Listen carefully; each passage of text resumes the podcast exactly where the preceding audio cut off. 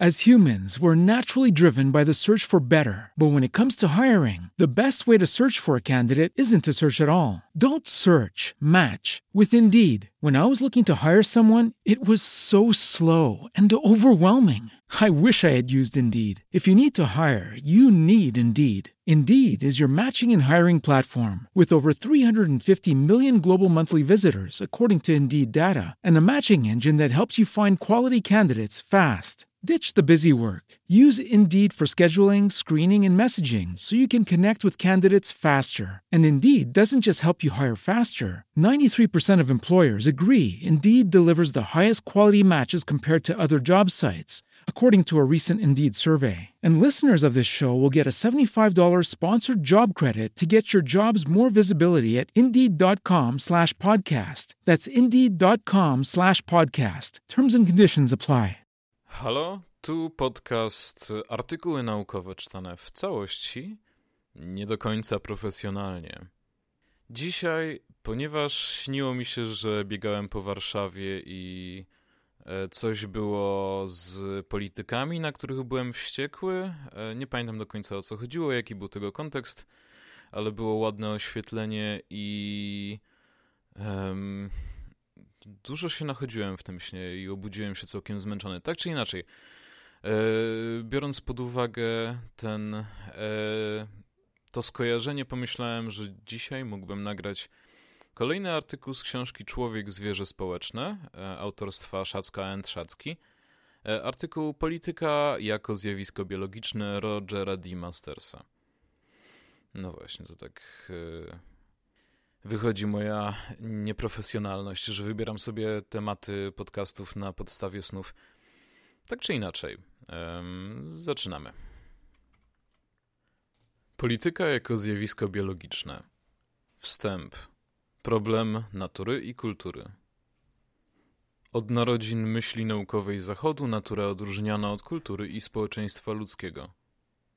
Pierwszymi, którzy w naszej tradycji historycznej starali się odkryć naturę – Fizis to, co obowiązuje wszędzie w różnym stopniu, w przeciwieństwie do zróżnicowanych umów czy praw rządzących rozmaitymi wspólnotami ludzkimi.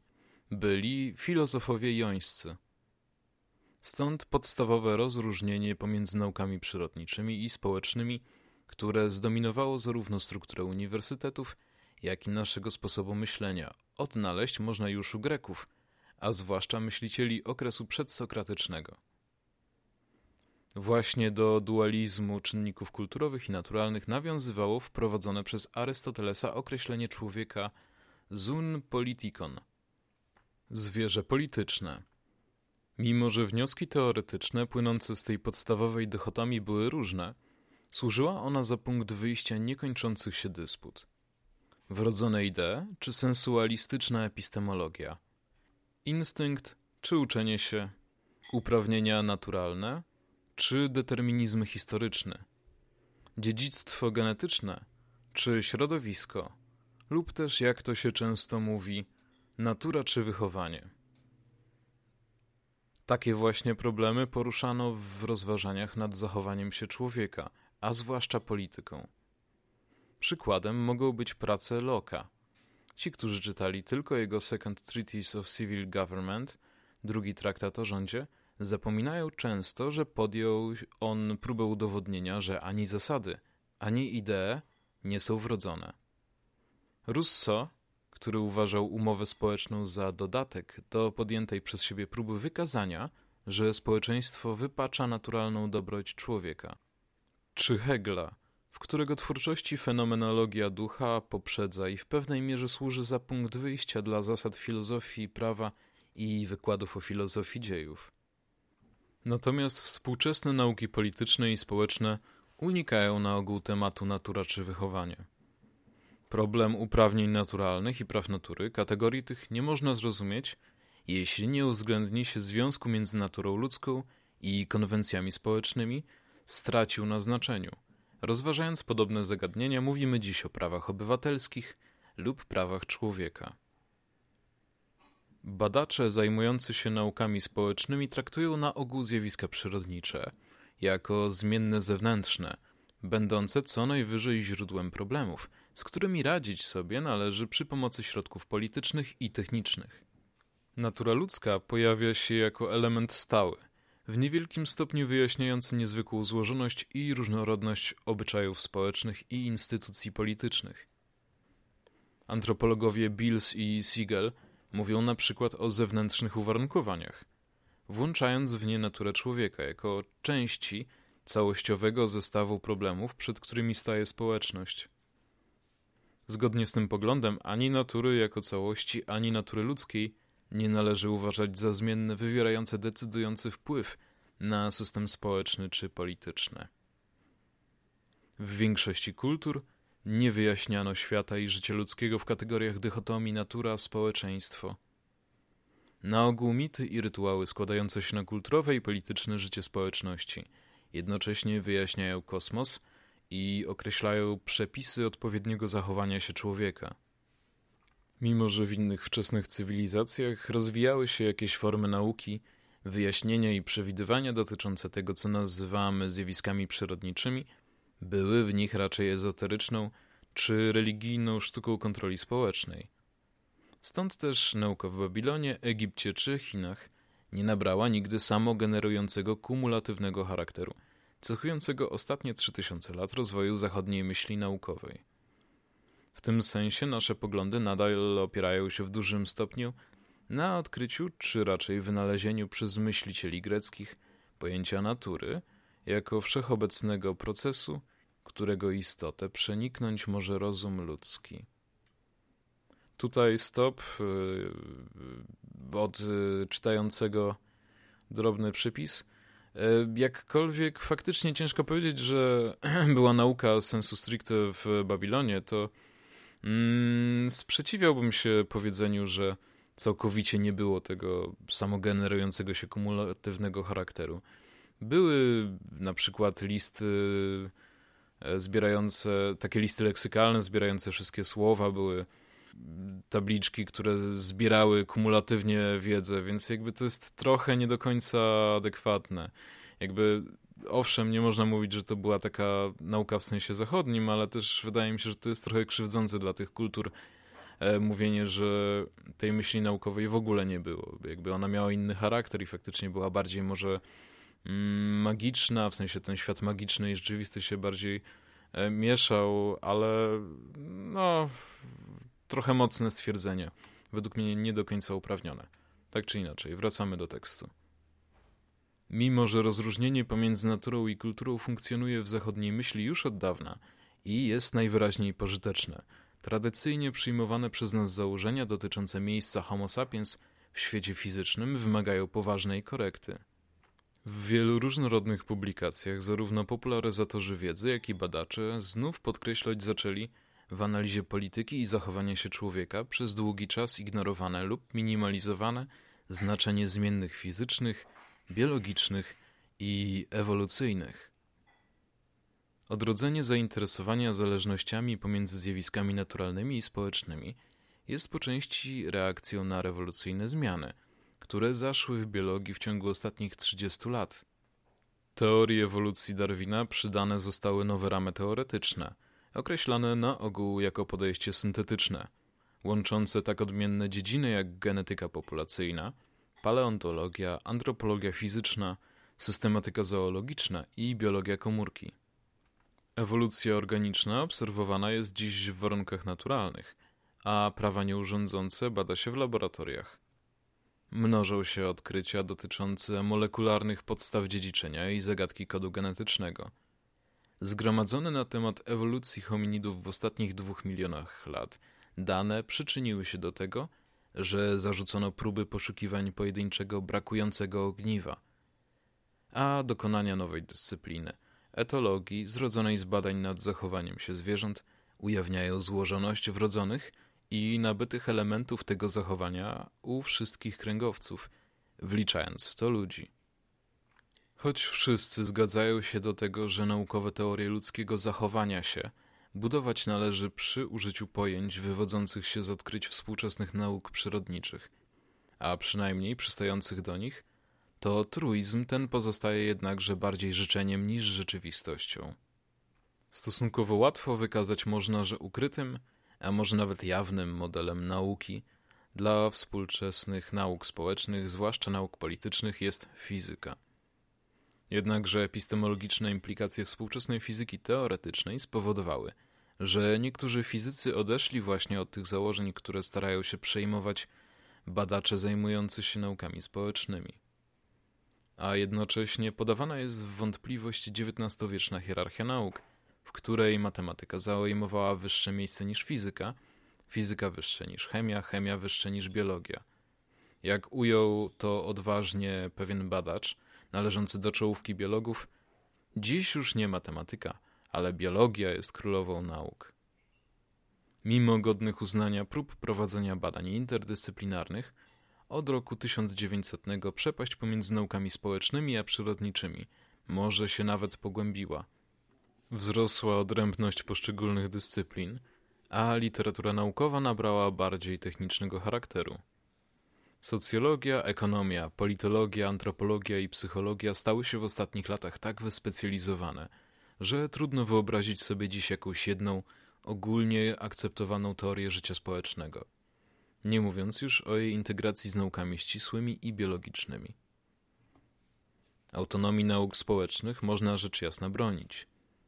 Wyrosłe z tradycji zachodu nauki przyrodniczej i zdobycze techniki są chyba wymownym dowodem na to, że człowiek zapanował, a przynajmniej jest w stanie zapanować nad determinizmem natury.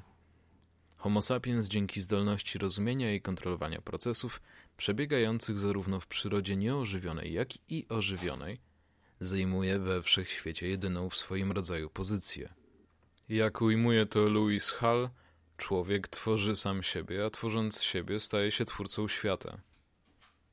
Jeżeli tak, to czyż nie jest słuszne, że w teoriach zachowania się człowieka traktuje się naturę, a nawet naturę ludzką, jako uwarunkowania zewnętrzne lub też jako element stały, a nie jako zmienne? W wieku atomu twierdzenie, że człowiek w znacznej mierze, czy nawet całkowicie, panuje nad własną ewolucją jest czystą ironią.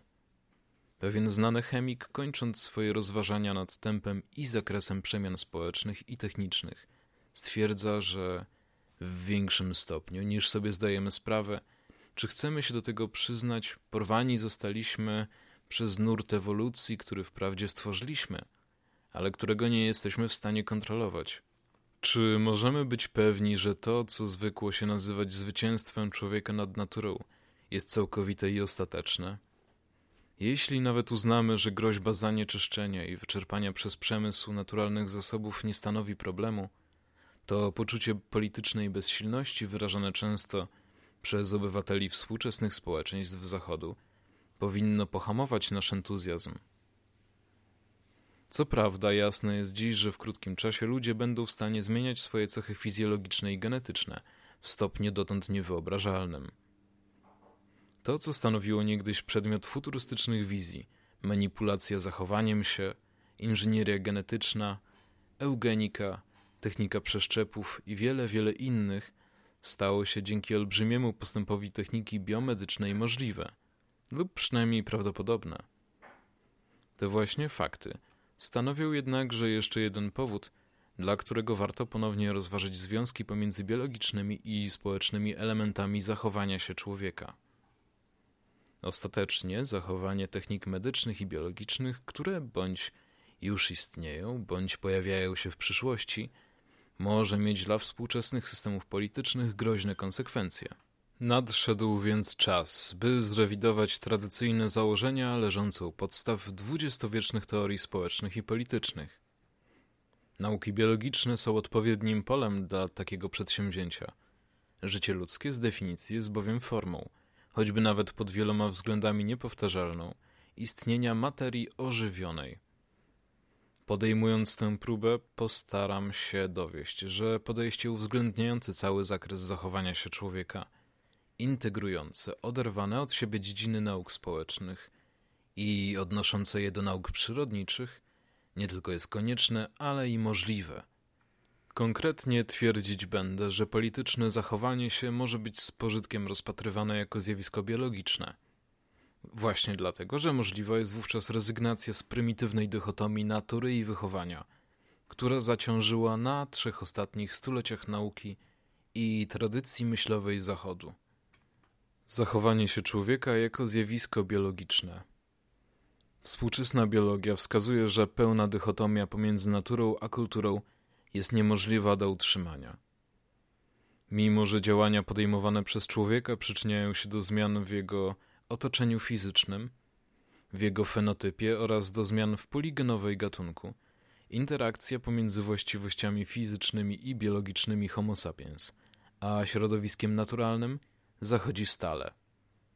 W ciągu całej historii życia społecznego oraz w ciągu toku indywidualnego rozwoju. Symplicystyczne tezy w rodzaju człowiek tworzy sam siebie lub wrodzone popędy człowieka mają podłoże genetyczne i nie dają się wykorzenić. Nie są na pewno wyrazem zrozumienia nieprzebranej ilości procesów, których rezultatem jest zachowanie się człowieka, traktowane jako zjawisko biologiczne. Wskazać należy na pięć implikacji tego rodzaju biologicznej perspektywy. Po pierwsze, różnorodne aspekty życia ludzkiego winny być analizowane z dużą ostrożnością, bez wprowadzania a priori założeń co do kulturowego czy naturalnego statusu procesów przyczynowo-skutkowych i prawidłowości funkcjonalnych. Zjawiska przybierające w różnych populacjach odmienną postać nie są przez to całkowicie kulturowe, czego oczywistym przykładem mogą być międzykulturowe różnice wieku pokwitania. Podobnie wiele naturalnych właściwości normalnego człowieka wiąże się z indywidualnym uczeniem się i tradycjami społecznymi. Podstawowe czynności w rodzaju kopulacji, defekacji i jedzenia są jednocześnie i biologiczne, i kulturowe. Po drugie, konieczne jest wprowadzenie precyzyjnego rozróżnienia pomiędzy poszczególnymi osobnikami, grupami i całymi gatunkami. Procesy przyczynowo-skutkowe czy funkcjonalne konsekwencje zachowania się osobnika nie mogą być wprost uogólniane na populację, ani też zjawisk wykrytych w grupach czy populacjach nie można odnosić do całego gatunku Homo sapiens. Wiele z niestarannie formułowanych myśli czy opracowań dotyczy to zwłaszcza tych, w których rzeczownika zbiorowego człowiek używa się jako parawanu dla nieuzasadnionych generalizacji. Należy ponownie z uwagą przeanalizować. Z biologicznego punktu widzenia gatunek nasz może być uważany za samoreprodukującą się pulę genową – Proces ten zachodzi w miarę tego, jak populacje fenotypów skutecznie przystosowują się do różnorakich środowisk. Wskazuje to na trzecią, niezmiernie ważną implikację. W procesie ewolucyjnym fenotyp spełnia przede wszystkim funkcję nosiciela genów, a nie na odwrót. Jeżeli kura jest tylko sposobem jaja na zrobienie następnego jaja, Nasza skłonność do dawania pierwszeństwa materialnemu i zmysłowemu uniwersum doświadczenia ludzkiego, królestwa ludzkiego fenotypu, może być oparta na iluzjach. Znaczenia wielu zdarzeń w historii ludzkości szukać należy nie w świecie postrzeganych konsekwencji fizycznych, jakie mają one dla poszczególnych jednostek czy społeczeństw, ale w selekcjonującym wpływie wywieranym przez nie na naszą pulę genową Poza niewątpliwym oddziaływaniem współczesnej medycyny, ogromne znaczenie dla ewolucji gatunku mają także różnorakie praktyki kulturowe i indywidualne. Płynie z tego czwarty wniosek. Stale musimy zdawać sobie sprawę z typowo ludzkiej skłonności do przeceniania znaczenia naszych świadomych intencji, planów i racjonalizacji. Rodzi się pokusa – by przyjąć jako ogólną zasadę, że ukryte funkcje ludzkiego zachowania się są zawsze ważniejsze od jego widocznych lub zamierzonych konsekwencji. Nawet jeśli nie pójdzie się aż tak daleko, powinno być oczywiste, że wyrażenie zamiaru lub motywu nie stanowi wystarczającego wyjaśnienia zjawisk ludzkiego świata, ponieważ z biologicznego punktu widzenia konieczne jest wyjaśnienie zarówno istnienia zamiarów człowieka – jak i selekcyjnych konsekwencji sposobów ich realizacji. Po piąte wreszcie, biologia zwraca naszą uwagę na kluczowe znaczenie zmiennej czasu. Ewolucja, jest z zasady nieodwracalną sekwencją zdarzeń, podobnie jak osobniczy cykl życiowy. Ani różnicowanie się komórek w ontogenezie, ani różnicowanie się gatunków w filogenezie nie może być w pełni zredukowane do fizycznych reguł powtarzalności i przewidywalności i równoważności przewidywania i wyjaśniania. Biologia, podobnie jak nauki społeczne, ma więc do czynienia zarówno z problemami rozwoju historycznego, jak i z procesami zbiorowymi, które nie mogą być zredukowane do sumy składników. Pięć wymienionych powyżej konkluzji wskazuje na celowość posługiwania się naukami biologicznymi, a nie fizyką czy filozofią nauki, jako paradygmatem nauk społecznych. W odróżnieniu od fizyki, przedmiotem nauk biologicznych są otwarte systemy o wysokim stopniu złożoności, w których zmienna czasu odgrywa zasadniczą rolę, zarówno jeśli chodzi o rozwój osobniczy, jak i ewolucję całych populacji. Niezależnie od tego, jaki jest jej status w fizyce, tradycyjna wykładnia drugiej zasady termodynamiki nie wyjaśnia w sposób wystarczający zjawiska życia. Systemy ożywione mogą wraz z upływem czasu zmniejszać entropię poprzez wytwarzanie bardziej złożonych form organizacji materii i energii. I ze względu na tę kluczową cechę systemy społeczne podobne są do systemów biologicznych, a nie do zjawisk, którymi zajmuje się fizyka klasyczna. Z tego punktu widzenia podlegająca zmianom ewolucyjnym zdolność populacji do samoreprodukcji jest, jak się wydaje, zjawiskiem wchodzącym w zakres badań zarówno biologii, jak i nauk społecznych. Innymi słowy, ludzkie życie, tak samo jak życie innych gatunków, stanowi ujemną entropię lub informację. To jest nieprzypadkowy rozkład materii i energii. Genotypu pojedynczego osobnika czy poligenowej danego gatunku nie da się zrozumieć, jeśli opisze się je tylko w kategoriach ich chemicznego składu. Albowiem to sekwencje nukleotypów w łańcuchu DNA, a nie po prostu ich procentowa zawartość w jądrze komórkowym stanowią zapis informacji określających strukturę aminokwasów, które przez każdą komórką mogą być wytworzone. Tę samą tezę sformułować można w inny sposób. Złożone struktury nie mogą być wyjaśniane wyłącznie w kategoriach kombinacji i permutacji prostszych elementów, z których się składają. Na kolejnych, coraz wyższych poziomach złożoności powstają nowe struktury, które najlepiej zrozumieć można traktując je jako nieprzypadkowe zorganizowanie informacji. A własności strukturalne na wyższym poziomie złożoności nie mogą być po prostu zredukowane do cech swoich składników.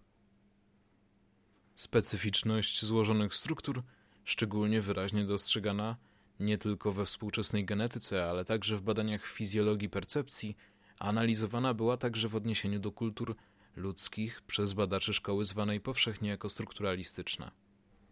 Mimo, że zbieżność analizy strukturalnej w naukach biologicznych i społecznych zasługuje na dokładniejsze zbadanie, poprzestańmy tu na stwierdzeniu, że każda ogólna teoria życia ludzkiego jako zjawiska biologicznego wydaje się dotyczyć własności złożonych systemów, które są w stanie kodować, przekazywać i przetwarzać informacje.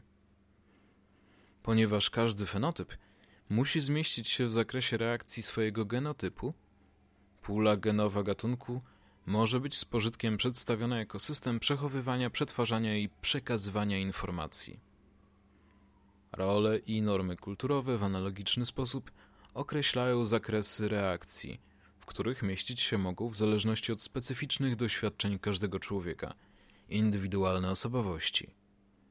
Kultura czy tradycja, podobnie jak dziedziczenie genetyczne, są sposobami przechowywania, przetwarzania i przekazywania informacji związanej z przystosowywawczymi, przystosowawczymi, trudne słowo, reakcjami na zróżnicowane warunki. Uczenie się – i pamięć danego osobnika wyznaczają jego przypuszczalny zakres reakcji na wszystkie, zarówno naturalne, jak i kulturowe warunki i bodźce środowiskowe. Oczywiste jest, że systemy informacyjne, takie jak pula genowa naszego gatunku, kultura ludzka i człowiek nie są zawieszone w próżni. Każdy z nich jest analogicznie wyróżnialnym składnikiem konkretnego systemu fizycznego – Czy będzie to gatunek Homo sapiens na planecie Ziemia, czy populacja ludzka przystosowana do określonego środowiska i niszy ekologicznej, czy też ludzki fenotyp posiadający własną, niepowtarzalną historię życia. Co ważniejsze, te trzy poziomy informacji, z których każdy odpowiada odmiennemu poziomowi systemu fizycznego, nie są od siebie niezależne. Tworzą one serię, której elementy zawarte są jeden w drugim. Każda populacja ludzka jest częścią gatunku, tak jak każdy osobnik jest częścią populacji. Podobny zestaw zawiera zawierających się w sobie elementów tworzą trzy systemy kodowania informacji. Normy kulturowe muszą zawierać się w granicach możliwości wyznaczonych przez pulę genową gatunku. Tak samo jak to, czego dany osobnik się uczy, musi się zmieścić w zakresie jego możliwości wyznaczonym przez kulturę i genotyp.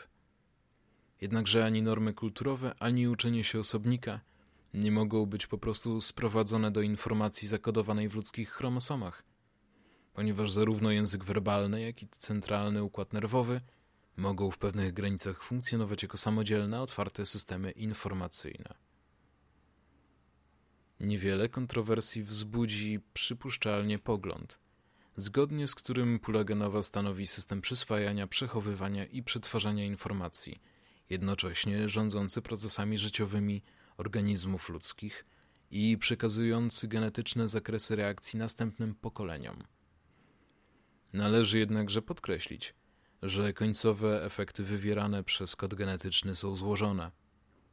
Ludzkie geny nie tylko dostarczają instrukcji każdej komórce ciała człowieka, wyznaczają zakres reakcji i wzory rozwojowe, zgodnie z którymi rozwija się człowiek fenotyp. Wytwarzają one także żyjące w populacjach organizmy, których interakcje społeczne tworzą odrębny poziom systemowy, określany tu jako kultura i społeczeństwa. Fenotyp danego osobnika jest nie tylko bezpośrednim przejawem potencjału genetycznego w środowiskach napotykanych w toku ontogenezy, jest również przejawem rzeczywistości kulturowej i społecznej, w której żyje każdy człowiek. Na przykład kolor ludzkich włosów jest cechą fenotypiczną, odzwierciedlającą interakcję pomiędzy genotypem a środowiskiem, podczas gdy ich długość i fryzura to zjawisko kulturowe – i to takie, które ostatnio zyskało w niektórych społeczeństwach znaczenie polityczne.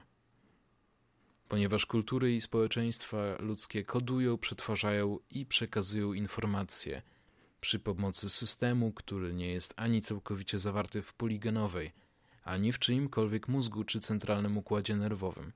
Chodzi tu o werbalny język człowieka i związany z nim zestaw symboli niewerbalnych. Każdy z trzech poziomów jest w pewnym stopniu samodzielny – i może być uważane za system otwarty. Zachowanie się człowieka jest więc produktem integracji zachodzącej w mózgu i centralnym układzie nerwowym każdego człowieka. Integracji filogenetycznie wyselekcjonowanych informacji przekazywanych w genach, historycznie wyselekcjonowanych informacji przekazywanych przy pomocy języka oraz symboli kulturowych i informacji nabytych przez osobnika w czasie jego własnego życia. Poszczególne jednostki i społeczeństwa mogą tworzyć nowe wzory zachowania się i wytwarzają je. Tak jak każdy gatunek, włączając w to nasz własny, wytwarza cechy fizyczne i elementy zachowania się. We wszystkich przypadkach jednakże zmiany te muszą być zakodowane w odpowiednim systemie informacji, by mogły wpływać na zachowanie się w przyszłości. Homo sapiens jako zwierzę polityczne. By określić rolę, jaką dobór naturalny odegrał w powstaniu Homo sapiens, gatunku, który nie może przetrwać bez kultury i indywidualnego uczenia się. Mówi się niekiedy o człowieku jako zwierzęciu kulturowym. Używano również zwrotu królewskie zwierzę, imperial animal, czy też ludzkie zwierzę, by podkreślić dualizm natury naszego gatunku. Jednakże bardziej trafny jest być może termin używany przez Arystotelesa który określa człowieka jako zwierzę polityczne. Proponowanym przeze mnie podejściu szczególną uwagę przypisuje się systemom kodowania informacji, które pozwalają populacjom i osobnikom przetrwać i rozmnażać się. To, że funkcję taką spełnia pula genowa jest oczywiste, szczególnie w świetle gromadzonej przez biologów wiedzy dotyczącej zarówno gramatyki, jak i mechanizmów biologicznych kodu genetycznego.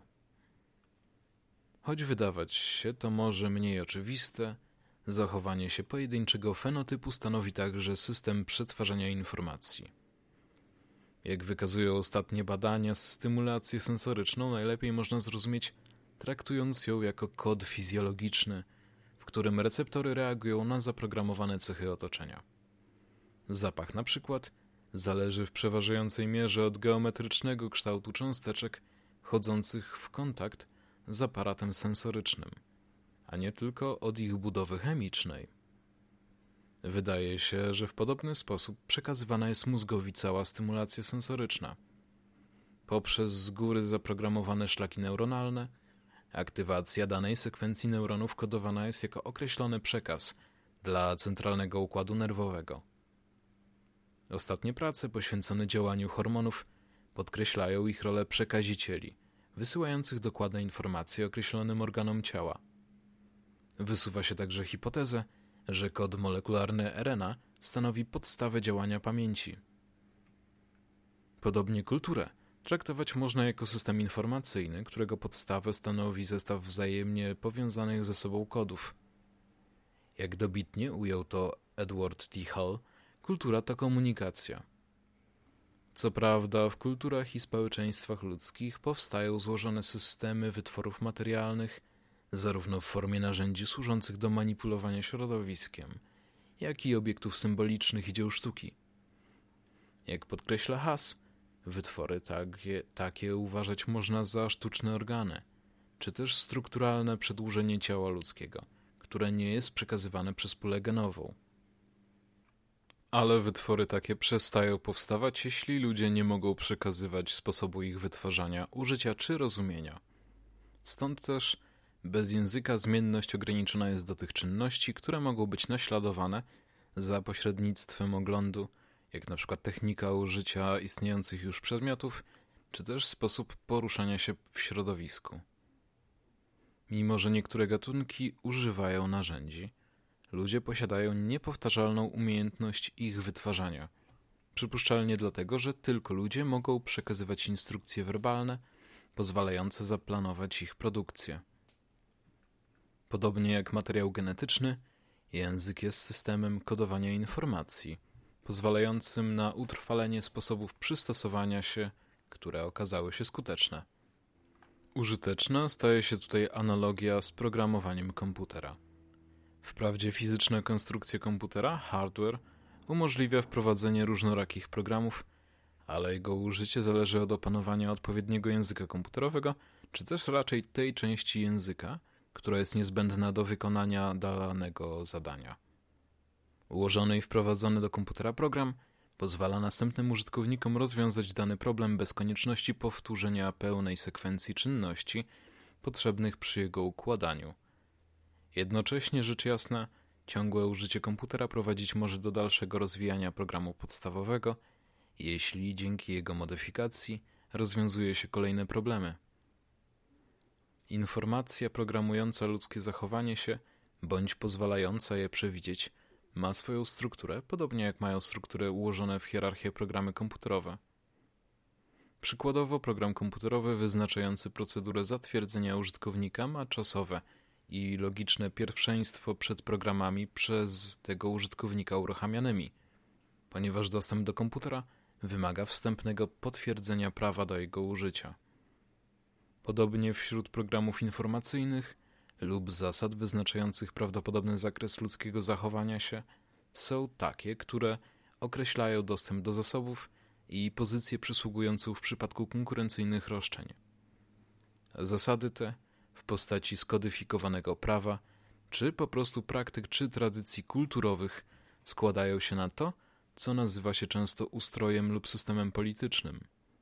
Ponieważ genetyczny zakres reakcji Homo sapiens jest tak szeroki, że ludzie, by przetrwać i rozmnażać się, muszą wykorzystywać kulturowo przekazywaną i indywidualną nabytą informację. Prawdopodobieństwo wystąpienia sprzeczności pomiędzy poszczególnymi osobnikami czy grupami jest wyjątkowo wysokie.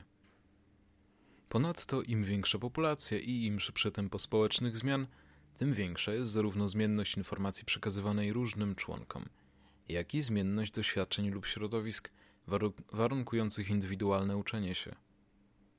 Dlatego też ludzie nierzadko wytwarzają wzory zachowania się, które nie są całkowicie zgodne z normami kulturowymi i politycznymi, bądź społeczeństwa jako całości, bądź też innych osobników lub grup, z którymi wchodzą w interakcję.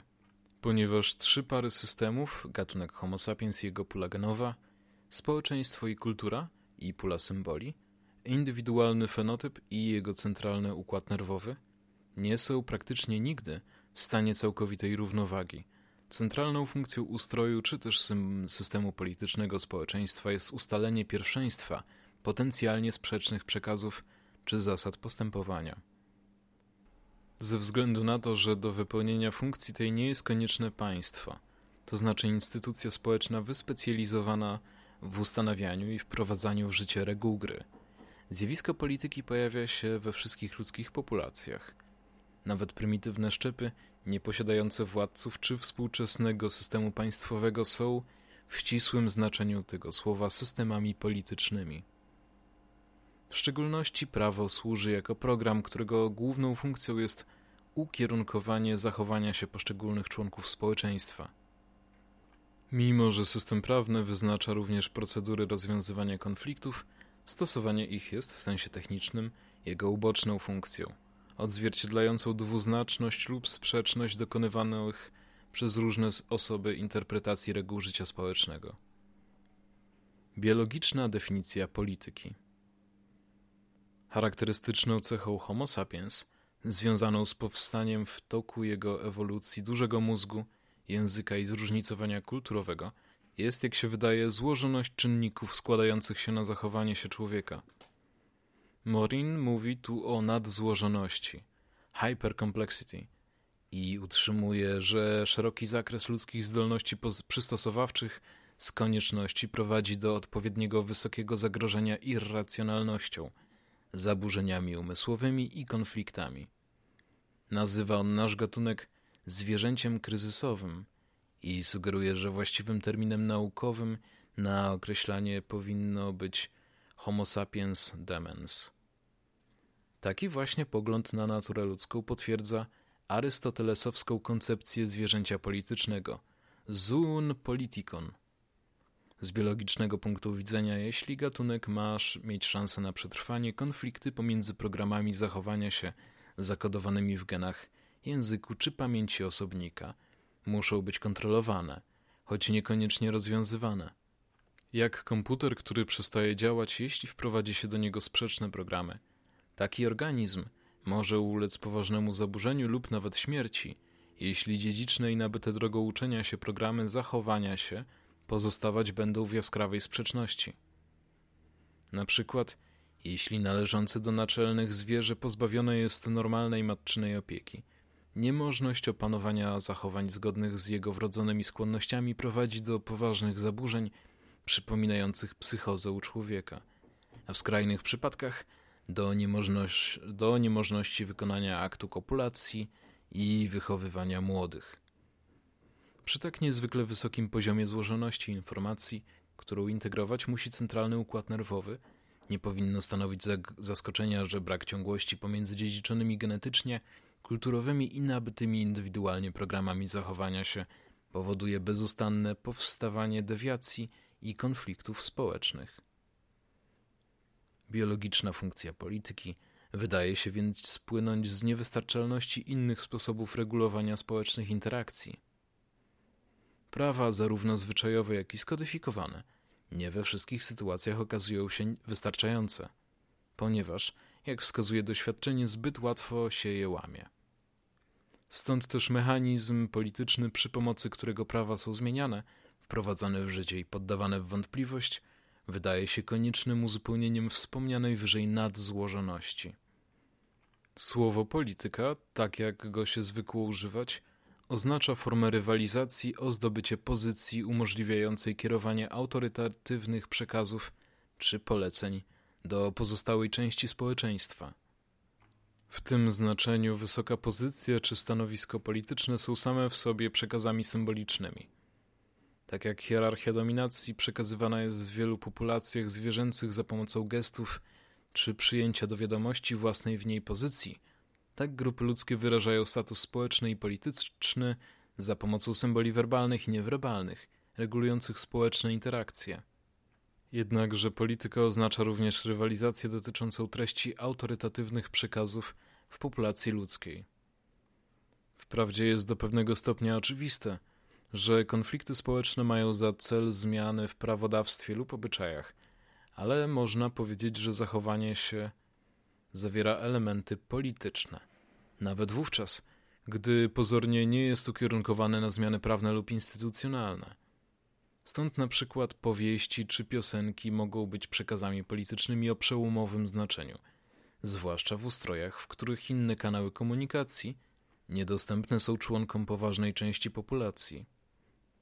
Politykę można więc zdefiniować bardziej precyzyjnie jako zachowanie się, posiadające jednocześnie cechy dominacji i podporządkowania, które u rodzaju ludzkiego są takie same, jak u wielu innych ssaków, oraz cechy prawnego czy zwyczajowego porządku życia społecznego, charakterystyczne dla grup ludzkich wyposażonych w język. Polityka nie jest tylko tym, co etologowie nazywają zachowaniem się agonistycznym.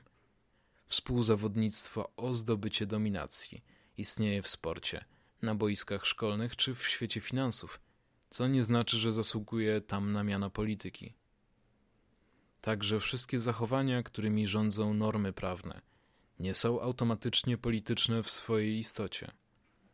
Jak wiemy z antropologii kulturowej, Prawne czy zwyczajowe zasady rządzą dzieciństwem, małżeństwem i całym życiem społecznym człowieka.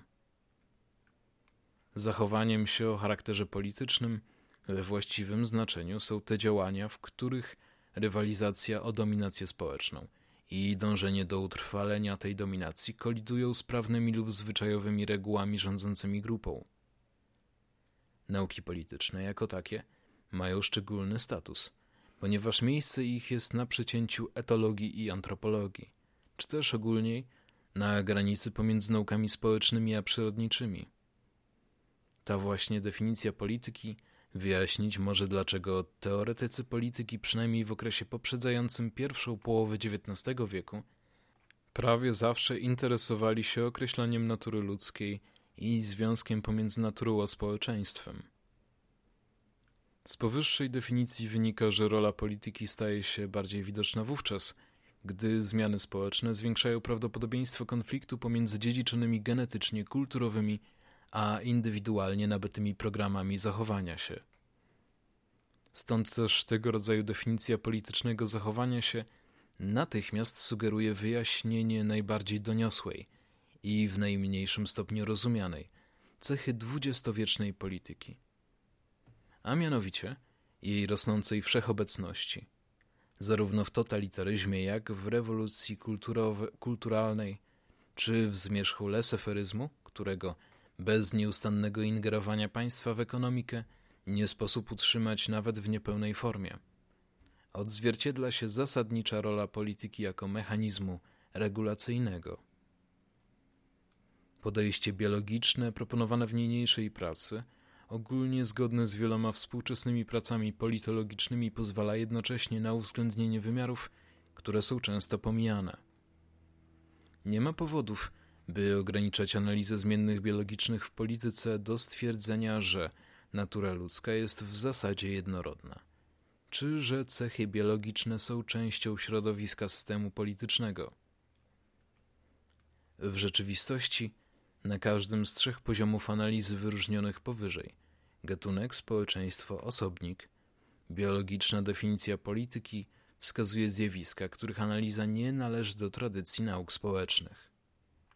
Przykładowo, niezwykła ekspansja techniki najwyraźniej nie wyzwoliła ewolucji naszego gatunku z jej naturalnych ograniczeń. Jednakże granice rozwoju stawiają przed nami określone problemy polityczne. Czy ewolucja biologiczna dostarczyć może kryteriów, które pozwolą na lepsze zrozumienie tych nowych problemów, a może nawet wyznaczników polityki? Czy ewolucja ruchów politycznych przebiega w sposób analogiczny, w biologicznym znaczeniu tego słowa, co ewolucja gatunków? Na poziomie analizy współczesnego społeczeństwa wiele mówi się o malejącym znaczeniu ciał ustawodawczych i rosnącym wpływie przywódców. W jakim zakresie ten kierunek rozwoju i związany z nim fakt częstego, częstszego pojawiania się przywództwa charyzmatycznego związany jest z szybkimi zmianami społecznymi i kulturowymi? Czy charyzma może zostać lepiej zrozumiana w kontekście badań etologicznych nad dominacją i podporządkowaniem? Czy przegęszczenie populacji, powodujące powstawanie zaburzeń zachowania się u innych gatunków, przyczynia się do usztywnienia hierarchii dominacyjnych oraz częstszego występowania zachowań patologicznych lub agresywnych? Polityczne zachowanie się poszczególnych osób niezależnie od tego, czy są to przywódcy czy podwładni, interpretowano tradycyjnie w kategoriach postaw i interesów. Współczesne wydarzenia wydają się często irracjonalne, jeśli posługujemy się tymi kryteriami. Prowadzone aktualnie badania wykazują, że zaburzenia genetyczne wywierają przypuszczalnie wpływ na zjawiska dewiacji, a zmienne fizjologiczne na proces decyzyjny w sytuacjach kryzysowych. Wykazują, że istnieją hormonalne korelaty zachowań dominacyjnych. Czy istnieje forma wrodzonego dymorfizmu płciowego, która pozwala wyjaśnić różnice w zachowaniach politycznych mężczyzn i kobiet? Czy fizjologiczne korelaty użycia środków odurzających mają związek z tym, że ludzie ubodzy i mało znaczący nie uczestniczą w życiu politycznym? Nawet jeśli uzna się, że powyższe pytania nie mają nic wspólnego z analizą polityczną. Wskazują one dziedziny, w których ludzie zajmujący się polityką podejmować muszą decyzje, zarówno o biologicznym, jak i politycznym znaczeniu. Jakie są specyficznie polityczne implikacje technik biomedycznych, dzięki którym pula genowa gatunku ludzkiego może ulec radykalnej modyfikacji? W jakim zakresie propozycje zerowego przyrostu populacji, zero population growth, czy odsiewu genetycznego mają konsekwencje polityczne? Jakie są konsekwencje stosowania psychochirurgii i środków psychotropowych regulujących zachowania dewiacyjne z pominięciem formalnych procesów sądowych jako przeciwwagi dla systemu karnego? Czy przywódcom należy podawać środki farmakologiczne ograniczające agresywność ich zachowania się, co zmniejszyłoby ryzyko ogólnoświatowej wojny? przypis czytającego. O tak, byłoby super. Ja, ja jestem za tym. Ja jestem za tym, żeby ograniczać agresywność polityków. Dobra, y, nieważne. Koniec przypisu. Trudno przypuścić, by te i inne problemy mogły zostać rozstrzygnięte bez odwołania się do nauk biologicznych. Mimo, że tradycją jest odróżnianie natury i kultury, zasadności dychotomii pomiędzy naukami przyrodniczymi i społecznymi, będącej tego wynikiem – Przeczą nie tylko odkrycia naukowe, ale i dylematy, przed którymi stają współczesne rządy.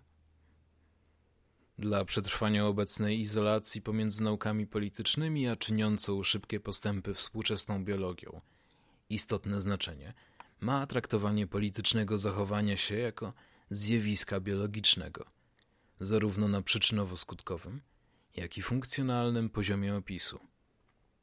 Ponieważ centralny układ nerwowy człowieka umożliwia dokonanie niezwykle złożonego procesu integracji informacji dziedziczonych genetycznie, kulturowych i nabytych indywidualnie, we wszystkich działaniach, które nazywamy politycznymi, łączą się ze sobą stany czy potrzeby fizjologiczne, kulturowo zdeterminowane symbole i osobiste idiosynkrazje.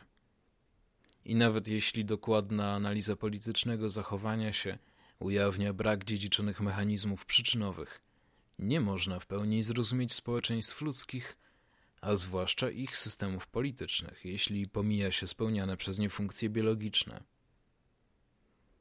Proponując biologiczną definicję polityki, muszę ponownie podkreślić, że zachowanie się człowieka nie jest w niej zredukowane do instynktów zwierzęcych czy ewolucyjnej konieczności.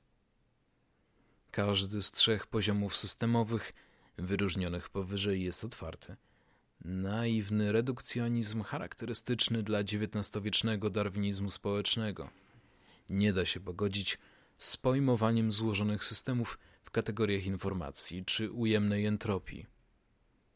Tak więc, jeśli nawet koncepcja polityki jako zjawiska biologicznego nie stawia pod znakiem zapytania wielu odkryć współczesnych nauk politycznych, nadaje im nowy teoretyczny wymiar.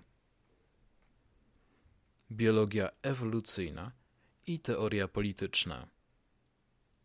Pełne rozwinięcie syntetycznej teorii życia ludzkiego w rodzaju tej, która zaproponowana została powyżej, jest ciągle sprawą przyszłości.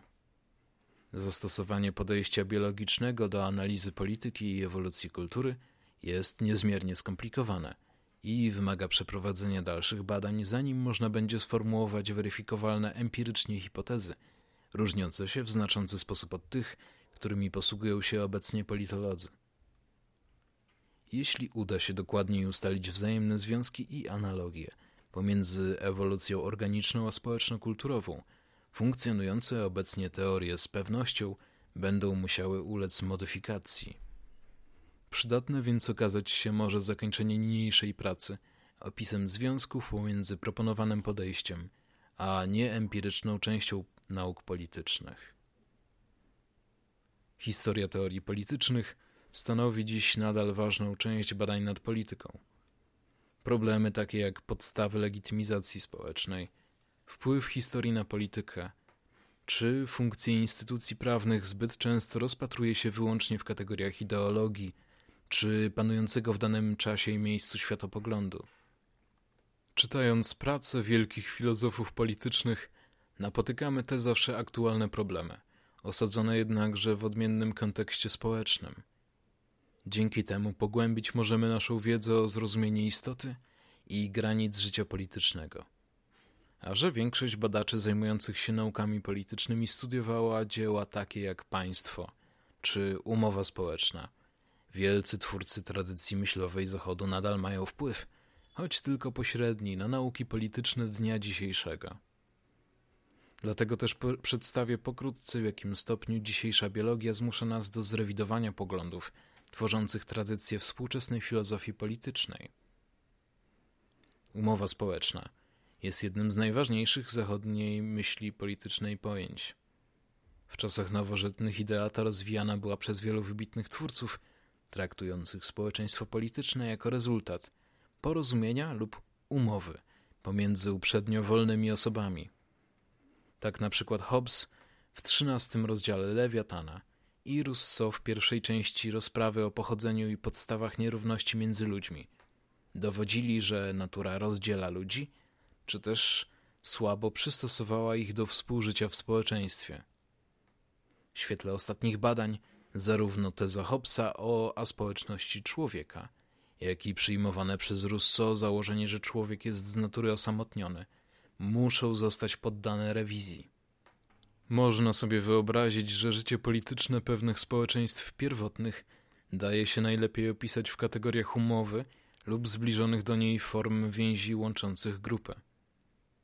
Odkrycia etologii i paleontologii każą jednakże podać w wątpliwość opisy stany natury i pochodzenia społeczeństwa zarówno w wersji Hobbesa, jak i Rousseau. Żaden z badanych przez etologów gatunków naczelnych nie jest aspołeczny. Jak to ujął Kohler, bez przesady można powiedzieć, że trzymany w odosobnieniu szympans nie jest w ogóle prawdziwym szympansem. Wykopaliska z epoki człowieka pierwotnego i jego przodka Australopiteka dostarczają skąpych danych na temat zachowania się jako takiego, natomiast wielu dowodów wskazujących na istnienie życia społecznego.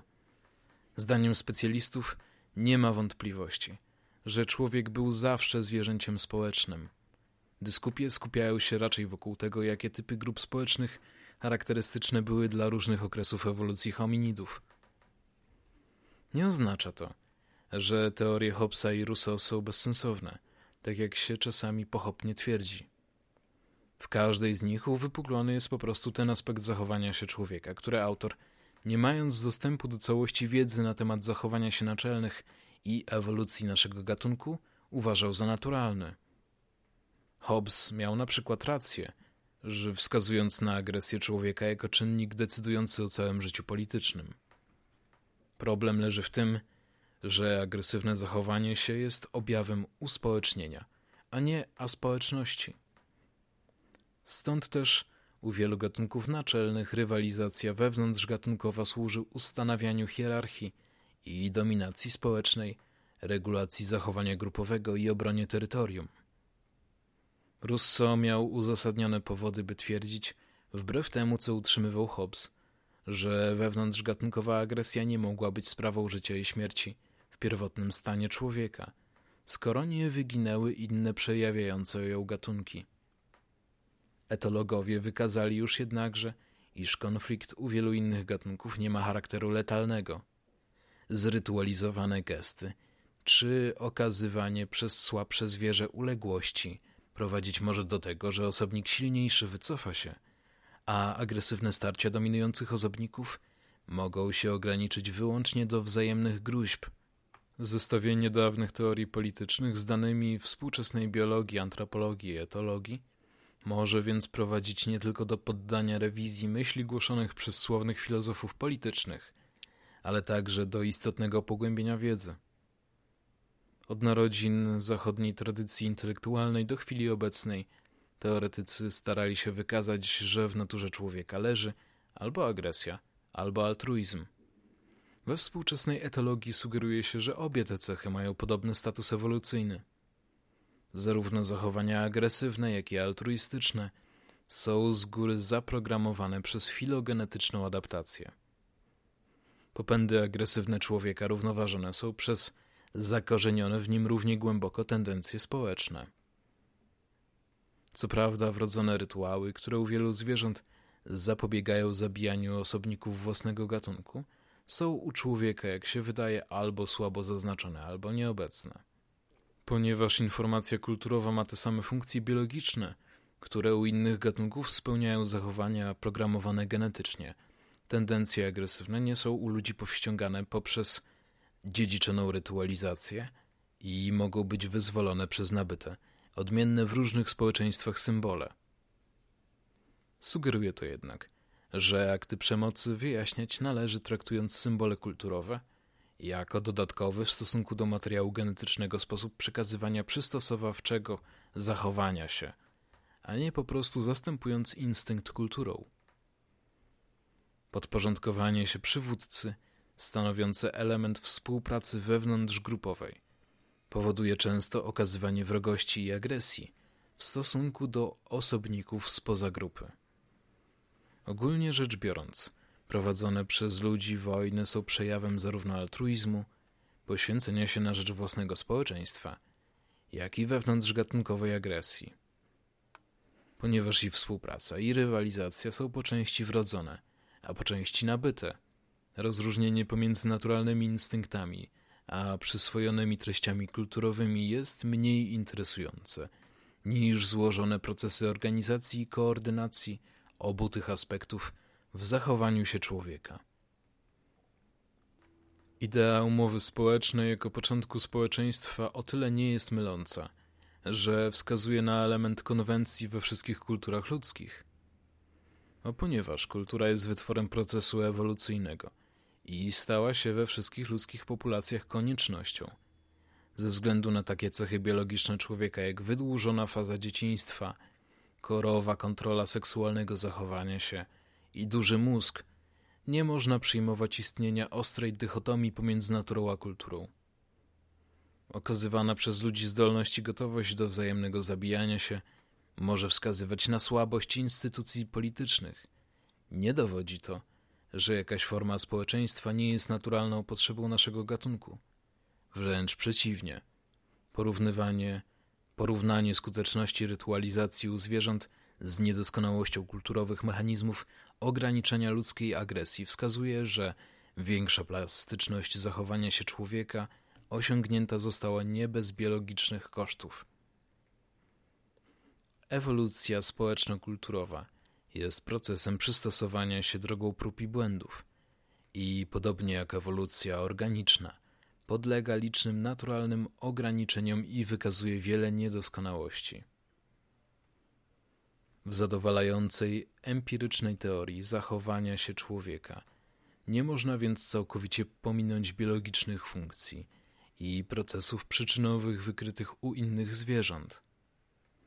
Co więcej, Tradycyjny problem filozofii polityki, definicja dobrego czy zdrowego społeczeństwa ludzkiego, wydaje się zajmować zasłużone poczesne miejsce w naukach politycznych.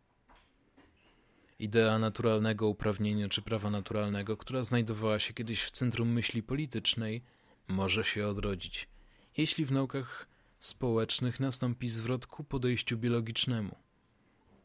Wniosek ten można teoretycznie wyprowadzić z przedstawionej powyżej biologicznej definicji polityki. Przemawiają za nim także wyniki nowszych prac z zakresu nauk biologicznych. Etologowie wykryli, że pozornie konwencjonalne i zmienne normy kultur ludzkich spełniają funkcje biologiczne i mogą być oceniane w kategoriach ich adapcyjności. Adaptacyjności. No. Niektórzy biologowie są skłonni rozpatrywać polityczne i społeczne skutki ewolucji człowieka w kategoriach zbliżonych do tych, których używano w tradycyjnej filozofii politycznej. A nawet tam, gdzie nic takiego nie występuje, widać, jak wzrastająca świadomość konsekwencji współczesnych technik biomedycznych spowodowała nawrót zainteresowania formami społeczeństwa politycznego, które nie tylko sprzyjają przetrwaniu, ale są dobre w klasycznym znaczeniu, to jest pozostają w harmonii z naturą ludzką. Powrót do tradycyjnych tematów filozofii politycznej nie oznacza, że z punktu widzenia współczesnej biologii prace wszystkich dawnych teoretyków są właściwie rozumiane. Na podstawowy brak nowożytnych teorii umowy społecznej wywodzących się od Hobbesa i Rousseau wskazałem już powyżej. Z teorii ewolucji Darwina wynika, że Homo sapiens – jest z natury gatunkiem społecznym, którego zachowanie się jest wytworem rozwoju historycznego. Stanowi to poparcie dla stanowiska wielu europejskich, choć nie amerykańskich, myślicieli, zgodnie z którymi z którym największymi postaciami w historii nowożytnej filozofii są Hegel i Marx. Co więcej, jeśli słuszne jest interpretowanie życia w kategoriach struktur informacyjnych, to spośród nowożytnych filozofów właśnie Hegel rozwinął najbardziej, jak się wydaje, zadowalającą teorię polityczną i społeczną. Aby konkluzja ta nie zabrzmiała absurdalnie, należy od razu dodać, że poglądy Hegla na historię jako na proces zmierzający ku absolutnej idei wolności odbiegają od podejścia współczesnego, w którym ewolucja jest bezkierunkowym procesem przebiegającym na zasadzie prób i błędów. Jeśli nawet na obronę heglowskiego idealizmu powiedzieć można, że zgodny jest on z pojęciem związku pomiędzy genotypem a fenotypem, albo szerzej, w związku pomiędzy informacją, czyli ujemną entropią, a strukturami fizycznymi. Optymistyczny pogląd Hegla na historię wydaje się sprzeczny nie tylko z doświadczeniami, jakie stały się z na naszym udziałem w XX wieku, ale i z dogmatami współczesnej biologii. Koniec końców, Zmuszeni jesteśmy uznać wyższość tak zwanej klasycznej filozofii politycznej nad myślą polityczną epok, które nastąpiły po upadku państwa rzymskiego. Jak już wskazywałem, właśnie Grecy stworzyli pojęcie natury, na którym opiera się dzisiejsza nauka.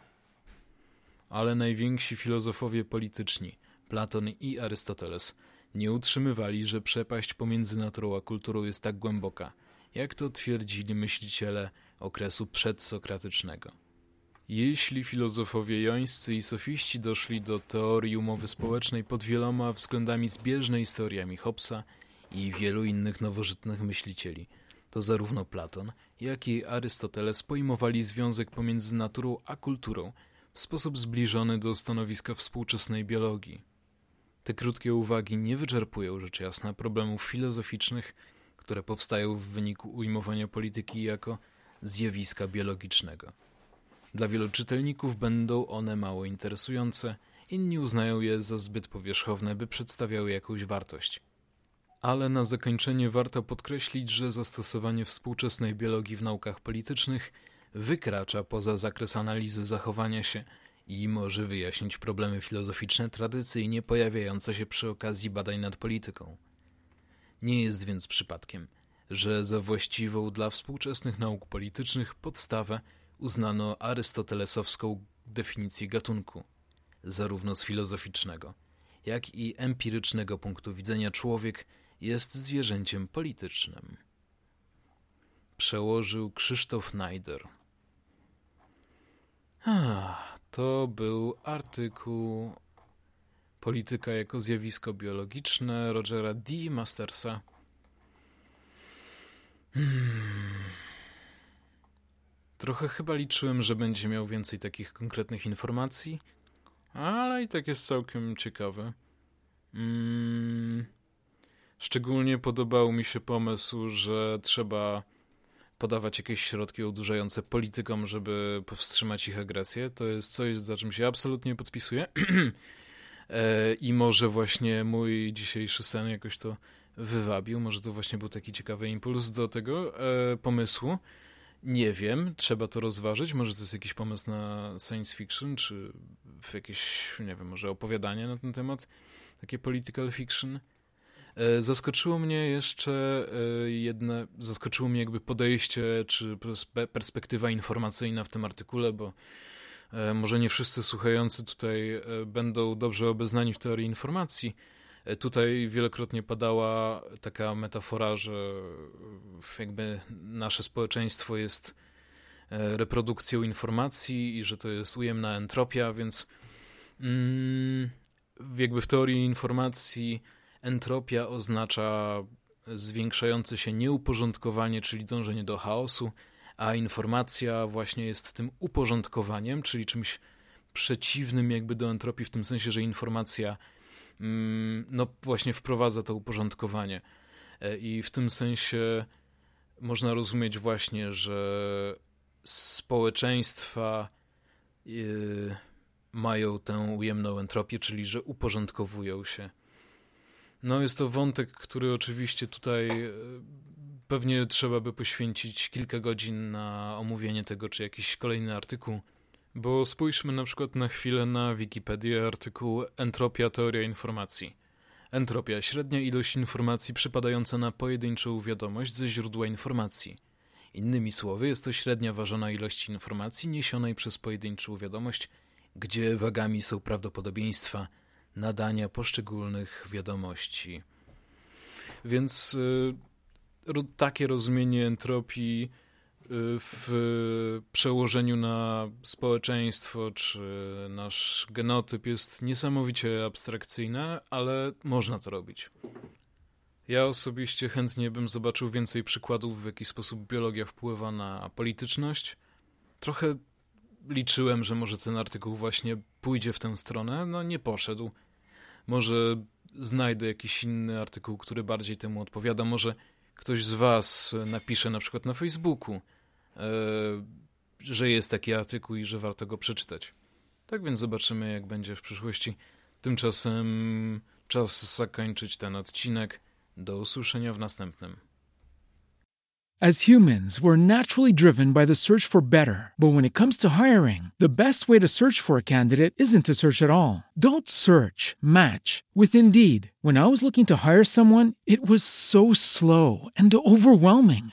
I wish I had used Indeed. If you need to hire, you need Indeed. Indeed is your matching and hiring platform with over 350 million global monthly visitors, according to Indeed data, and a matching engine that helps you find quality candidates fast. Ditch the busy work. Use Indeed for scheduling, screening, and messaging so you can connect with candidates faster. And Indeed doesn't just help you hire faster. 93% of employers agree Indeed delivers the highest quality matches compared to other job sites according to a recent Indeed survey. And listeners of this show will get a $75 sponsored job credit to get your jobs more visibility at Indeed.com slash podcast. That's Indeed.com slash podcast. Terms and conditions apply.